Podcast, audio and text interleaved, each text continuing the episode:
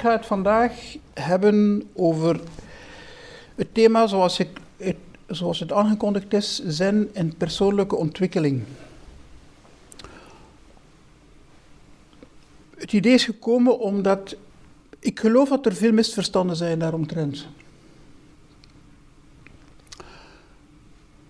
Vanuit zen-invalshoek hebben wij de neiging om alles wat te maken heeft met wellness, persoonlijke ontwikkeling, een beetje negatief te benaderen. Mindfulness, te zeggen ja, maar dat is eigenlijk maar een afgeslankte vorm van, van boeddhisme. Het is natuurlijk vanuit de grondbeginselen van het boeddhisme en de beoefening van de meditatie ontstaan, maar ontdaan van heel veel cultureel en andere aspecten. En hebben wij een beetje zo, merk ik toch in onze sangha, zo de pretentie om te zeggen, ja, persoonlijke ontwikkeling, dat is eigenlijk allemaal een beetje light. Het is zen in de light vorm. En ik denk dat dit een beetje op misverstanden berust. En dat zou ik nu graag even willen toelichten. Persoonlijk denk ik dat onze beoefening een vorm van opvoeding is. Een vorm van volwassenwording. Werkelijk. Ik geloof dat ontwaakt zijn, Boeddha zijn, dat is de, de, het volwassen zijn in zijn meest ultieme vorm. In zijn meest volmaakte vorm. Dus iedereen maakt natuurlijk een ontwikkeling mee. Uh, van kinds af aan doorloop je verschillende stadia, maar dat weten we wel. Hè? Dus je hebt kindertijd, adolescentietijd en dan word je volwassen. Maar dat volwassen worden, daar schenken wij denk ik niet zo heel veel aandacht aan.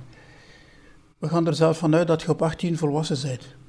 Plots. Zo van de ene dag op de andere ben je dan Ehm, rijp, ben je helemaal uh, zelfstandig, kun je uh, keuzes maken. We gaan ervan uit dat iedereen boven de 18 eigenlijk volledig zelfstandig kan functioneren en, met, uh, en wijs genoeg is om de juiste keuzes in zijn leven te maken. Om te beginnen, dat verhaal klopt niet. Ondertussen hebben de wetenschappers ontdekt dat het niet 18 is, waarin de leeftijd waarop uw brein eigenlijk uh, compleet helemaal af is, zal ik maar zeggen. Maar veel later, rond, het, rond 25 jaar zou dat zijn. Um, en dat is een interessant gegeven. Dat de, de ontwikkeling van uw brein, die natuurlijk maar één deel is van uw persoonlijkheid en van, van ons mensen zijn, maar toch een niet onbelangrijk, dat dat eigenlijk in constante evolutie is gedurende een dikke 25 jaar. En dat het daarna min of meer stabiel is.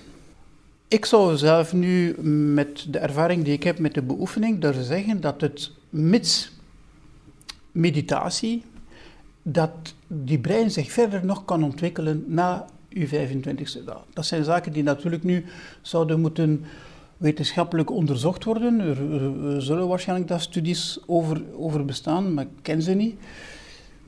Dat is toch een beetje mijn eigen ervaring, dat we eigenlijk heel ons leven lang eigenlijk steeds uh, verder evolueren in ons volwassen zijn. En daarom zeg ik dat onze beoefening, zoals wij die doen, zoals we dat van, van, van, van mijn leraar en zo heb meegekregen, dat, heeft ook, dat is ook persoonlijke ontwikkeling. Ik stel die, dus, die twee niet tegenover elkaar. Of ik probeer dat toch. Uh, minder en minder te doen. Ik had vroeger ook een beetje de neiging om te zeggen, ja, al die light technieken zoals mindfulness en zo, dat is, heeft eigenlijk niks, werkelijk niks te maken met, met wat wij in de dojo doen met zazen dat was ook zo een beetje mijn, mijn eigen uitgangspunt. Maar ik ben daar stilletjes aan, eh, aan een, beetje aan het veranderen, omdat precies vanuit dat die vaststelling dat onze beoefening er een is die ons steeds verder op weg helpt in ons volwassen worden, waarbij het meest ultieme uh, doel, maar ik weet dat ik al met, met woorden begin te, te werken die soms wel wat tricky zijn, het ontwaken is. Dus dat is een beetje mijn uitgangspunt, dat Boeddha worden, dat is uiteindelijk de finaliteit die elk mens zou moeten kunnen doen. Het is niet een finaliteit zoals een terminus van een metrolijn of van een trein uh, die dan uh, ja, in de terminus komt en dan voilà, je stapt eruit. Nee, het is een finaliteit, het is zo het, einddoel, maar die einddoel is altijd in ontwikkeling. Boeddha zelf ervaart het ontwaken heel sterk. Zoals ik het daar straks zei, hij beschrijft het ook in een aantal sutras. Uh, rond zijn 33ste is dat gebeurd. En toch is hij blijven heel zijn leven lang verder mediteren en zazen beoefenen. Omdat het ontwaken niet een toestand is die blijft duren. Het is geen eindpunt, einddoel, maar het is iets dat constant moet verwerkelijkt worden. En dat is iets dat wij, denk ik, in de zin goed begrijpen dat het niet de bedoeling is om naar één punt te gaan en daar dan te stoppen, maar dat het bedoeling is om steeds verder hetgeen dat wij bereikt hebben, verder verdiepen, verder in vraag stellen, verder onderzoeken. Het, is, het stopt nooit. Zo is de geest. Um, Ik uh, draag hier zo'n kotsu, hè. je hebt het gezien, maar het ligt nu op het vensterbank. Ik had het niet, niet gaan halen, maar dat is zo'n klein stokje met zo'n krul. Die krul symboliseert eigenlijk de geest die over zichzelf reflecteert. Vandaar die, die krul naar binnen eigenlijk. En het is werkelijk dat de geest heeft een oneindig vermogen om over zichzelf te reflecteren. Vroeger was dat een... Kotsu betekent been. Dus dat was vroeger echt een, een been, een werkelijk een menselijk been, uh, die de leraar uh, droeg. Um, nu is dat uh, gemaakt van, dit is van een soort plasticine, denk ik, of van hout. Maar het heeft zo'n beetje die, die kromming, die een klein beetje verwijst naar onze ruggengraat, dus de verticaliteit van de zazenhouding. En dan de geest die over zichzelf reflecteert. En, uh, maar dat is oneindig. Dus vandaar eigenlijk die vaststelling dat je eigenlijk nooit helemaal op het einde van je beoefening gaat terechtkomen. Omdat je nooit het eindpunt van je eigen geest gaat kunnen uh, ontdekken. De geest functioneert zo niet. Het is een beetje te vergelijken als ik een beeld kan gebruiken met de kosmos zelf, waarvan de wetenschappers nu toch wel vermoeden dat het inderdaad geen grenzen heeft. Wel, in onze geest is een beetje dat. Het is de kosmos in ons kop. Het is zo oneindig. Het, is, het blijft... Uh, je blijft het ontdekken. Het is al sinds mijn ervaring, nu na bijna 30 jaar met zazen bezig te zijn, je blijft steeds opnieuw dingen ontdekken, begrijpen, uh, je gaat van ontwakingsmoment naar ontwakingsmoment naar ontwakingsmoment en, je, en, dat, dat, dat blijft zo duren. En in die zin vind ik onze beoefening en de zazen een pedagogie, een manier om ons op te voeden, ons elke keer in een nieuwe mm, manier van zich te ontwikkelen dat dat blijft voortduren. Dat dat nooit stopt op je 25ste niet, op je 30ste niet, op je 40ste, op je 60ste niet, op je 85ste niet. Er is die fameuze film van uh, die documentaire die gemaakt is in, in Hey Hey G. Je kunt het op YouTube terugvinden. Van de abt, of die is ondertussen overleden. De, die film is gemaakt geweest vijf, zes jaar geleden, denk ik. Hij was toen 104. Twee, drie jaar daarna is hij overleden. Dus zelf hij op zijn 104, en die was al begonnen toen hij tien was. Dus hij heeft gedurende meer dan 80, 90 jaar zijn geoefend. En toch, elke dag stond hij vroeg op om samen met de monniken zazen te gaan beoefenen. Zo ook hij.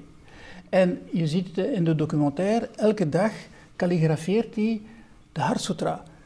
Twee keer. Eén keer in de voormiddag en één keer in de namiddag.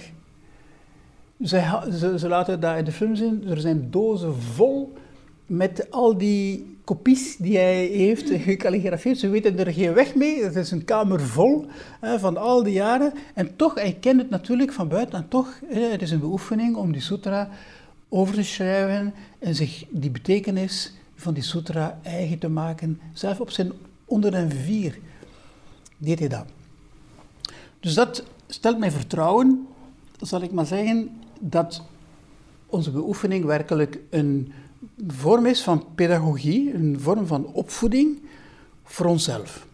En in die zin vind ik dat dat eigenlijk helemaal uh, persoonlijke ontwikkeling is, natuurlijk. Ik weet ook wel dat wanneer we spreken vandaag over persoonlijke ontwikkeling, we het inderdaad meer hebben over, oké, ik zit met een probleem, van alles meegemaakt, traumatische ervaring, ik wil daaruit geraken, ik wil een oplossing vinden voor mijn, mijn geestestoestand, ik voel, me niet, ik voel me slecht in mijn vel en ik ga mindfulness doen, ik ga yoga doen, ik ga, er zijn zoveel therapieën en voilà. En, en die zijn, en totdat het probleem opgelost wordt. In die zin begrijpen wij vandaag persoonlijke ontwikkeling.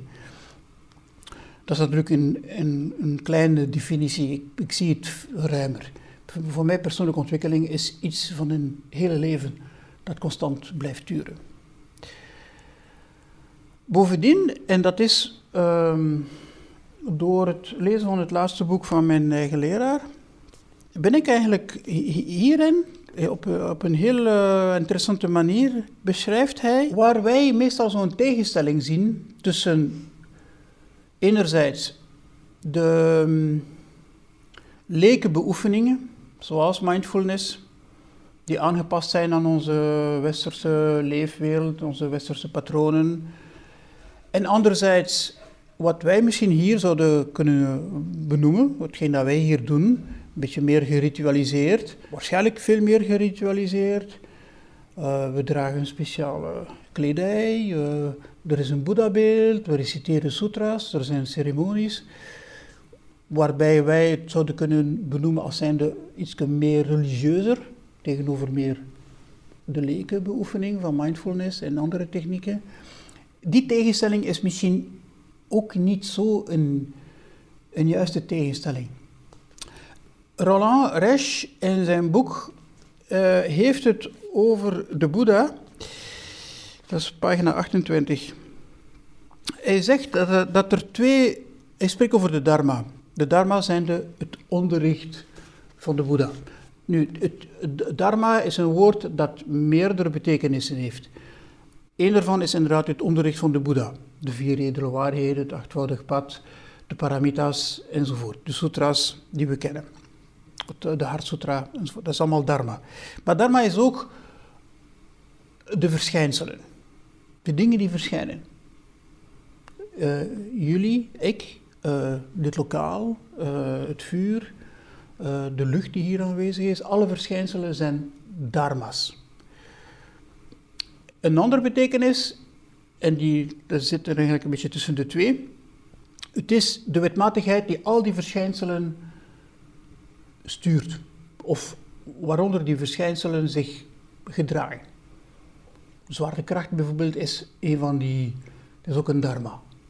het is een, is een wetmatigheid. Hè? Uh, als je iets laat vallen, valt het naar beneden. Maar het gaat hier over de dharma van de Boeddha. Dus het onderricht. Want het, het, ik zeg die, even die drie uh, definities omdat het interessant is in onze traditie hechten we veel aandacht aan wat de verschijnselen ons kunnen vertellen over de beoefening. Dus de concrete dingen uit de realiteit waarmee we moeten werken, waarmee we werken, dragen eigenlijk een soort onderricht in zich. Uh, dat die verschijnselen nu leuke fenomenen zijn, of minder leuke, of zelfs pijnlijke, ze dragen allemaal bij tot een bepaald onderricht, een bepaald. Als je ze doordringt, kun je altijd iets leren uit wat er verschijnt.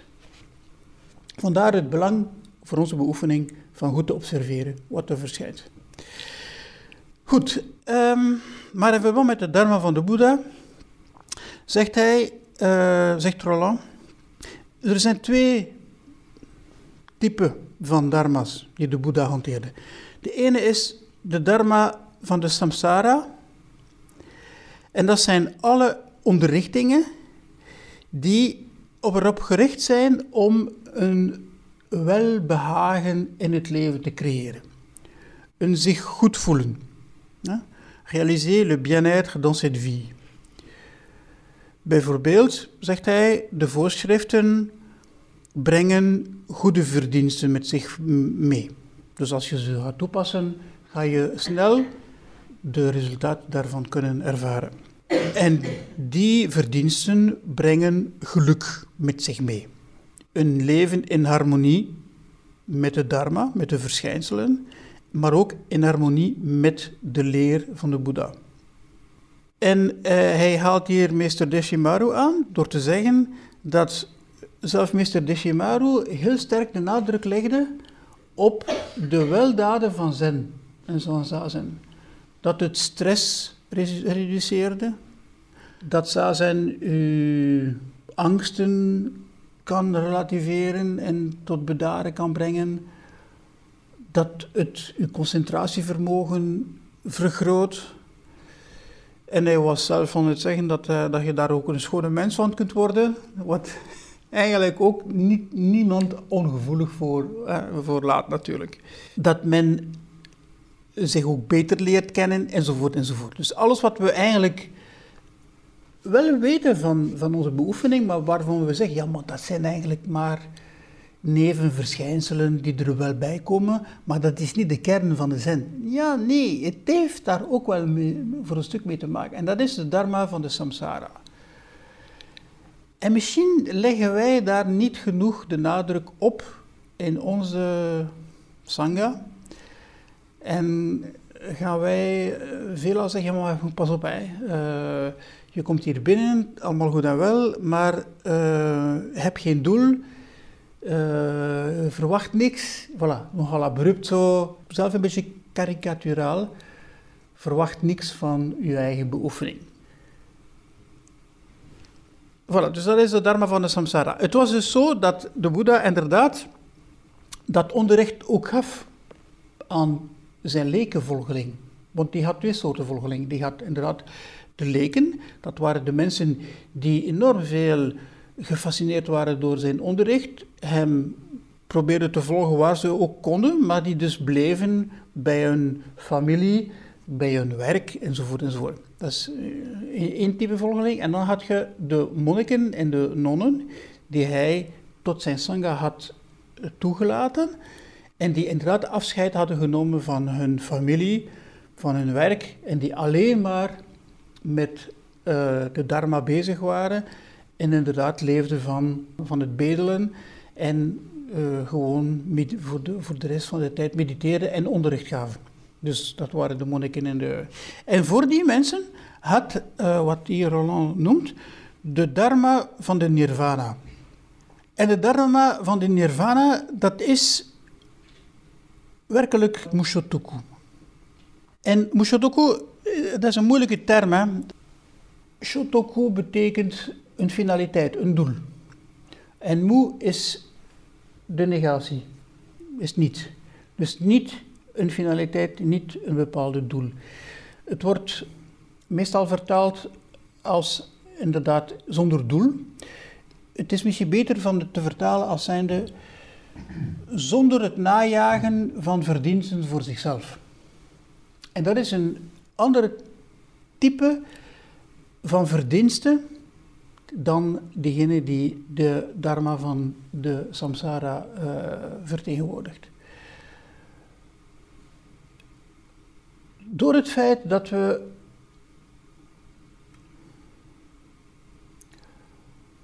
ons niet krampachtig vasthouden aan het bereiken van de weldaden die Zazins ons brengt, maar dat wij die stap verder kunnen doen en de openheid die er is in Zazen ook open houden voor alles wat dat er kan verschijnen, dan is dat Mushotoku. Je doet met andere woorden geen Zazen om wat gelukkiger te zijn, om minder stress te hebben, om minder angsten te hebben, om je problemen op te lossen, om er slimmer of meer concentratie te hebben. Maar je doet zazen puur en alleen maar omwille van de zazen. En die openheid van de geest, die, die er altijd is, niet gaat insluiten op één of andere weldaden, verdiensten, het zich goed voelen. Nee, je, houdt het, je, accepteert het wel, het komt wel, je gaat het wel mm, ervaren, maar je houdt het open. Dus dat is Mushotoku, dat is werkelijk dat. Dus de, een beoefening die breed is. En dat is bevrijdend, zegt uh, Roland Resch. Omdat men precies zich niet gebonden voelt aan een of andere zelf opgeleide doelstelling. Ik wil gelukkig zijn, ik wil mij meer concentreren, ik wil mijn stress kunnen reduceren, ik wil dit, ik wil dat. Ik ga zelfs in doen. Oké, je bereikt het wel. En wat dan? Als, als het bereikt is, is het dan in een terminus? Je, hebt je ding bereikt, dus uh, ben je op het einde van de metrolijn, dan moet je eruit stappen. En met de metro ga je terug in de andere richting. Het beeld klopt niet. Maar voilà, dus terwijl als je beoefent met de open geest, zonder u te hechten aan een of ander specifiek doel, dan zal de beoefening werkelijk dan in zijn diepste betekenis bevrijdend werken. Omdat men onszelf niet bindt aan een of ander doelstelling, aan een of ander uh, wat wij meestal in het leven doen. Hè. Uh, Oké, ik wil dit kunnen bereiken, ik wil die, die, sociale status kunnen hebben, ik wil zoveel kunnen verdienen, ik wil uh, vrouwen en kinderen kunnen hebben, ik wil dit en ik wil dat. Voilà, dat zijn de doelstellingen die we allemaal hebben, dat is geen probleem daarmee. Maar in de zin hebben we dat, hebben we dat soms ook. Hè. Voilà, ik wil dit en ik wil dat. Terwijl de beoefening Mushotoku is er één die daar niet in blijft steken. Die verder gaat dan alleen maar het bekomen van de eerste of twee of drie uh, doelstellingen die je jezelf hebt op. En in die zin is het bevrijdend. En eh, hij, eindigt hier met te zeggen: het is werkelijk het onderricht van kanonnen en de Singyo. Dus ja, de Hartsutra. Het is Avalokiteshvara die het onderricht geeft aan uh, Manjusri, Nee, ben even wijs. Aan uh, Shariputra, sorry, aan Shariputra, de leerling van, uh, van de Boeddha, die bekend was omwille van zijn grote kennis en zijn grote wijsheid. Maar het is precies het onderricht van de bodhisattva van het mededogen aan hem. Waarin op een gegeven moment staat, hè, dus door de kennis van de wijsheid die hij heeft, ziet hij dat de vijf skanda's en zo uh, leeg, leegheid zijn. Dan eindigt, dan eindigt Anya Shingyo, van nee, niet helemaal het einde, maar toch ergens naar het einde toe, is er en daarmee wordt die Mushotoku eigenlijk hier heel mooi vertaald. Er, uh, je weet, hè, de Anya Shingo, op een gegeven moment wordt er gezegd, er is geen neus, er is geen oog, er is geen oor, er is geen tong, er is, geen, er is niks niet meer. Hè. Er is zelfs geen vier edele waarheden. En dat is interessant. Er is geen achtvoudig pad. Er is niks. En dat is werkelijk dat, de dimensie van Mushotoku. De dharma van die nirvana, zegt Roland hier, transcendenteert helemaal al onze hersenspinsels, al onze mentale constructies die we hebben opgebouwd, al onze pogingen om de waarheid vast te grijpen en die te vangen in begrippen in noties, theorieën.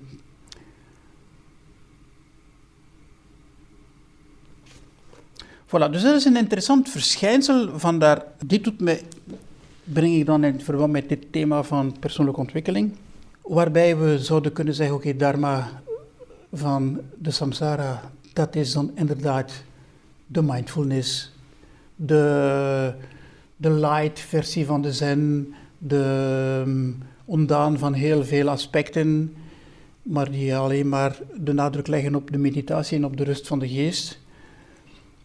En dan de dharma van de nirvana, die de zazen is in zijn hoogste en meest volmaakte dimensie, de dimensie van de Mushotoku. Die twee leven naast elkaar, zijn niet tegengesteld aan elkaar. Boeddha deed hetzelfde. Hij gaf een bepaald onderricht aan zijn lekenvolgeling, die op maat van hun situatie was afgestemd.